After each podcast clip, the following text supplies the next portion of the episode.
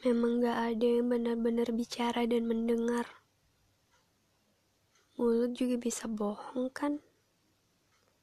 Telinga juga bisa pura-pura mendengar. Lantas, kalau ada hati untuk saling bicara, buat apa ada mulut? Kalau ada hati agar kita bisa saling mendengar, untuk apa ada telinga? Tapi, untuk menemui orang yang bisa mendengar hati dan bicara pada batin, rasanya hampir gak mungkin ada di dunia ini.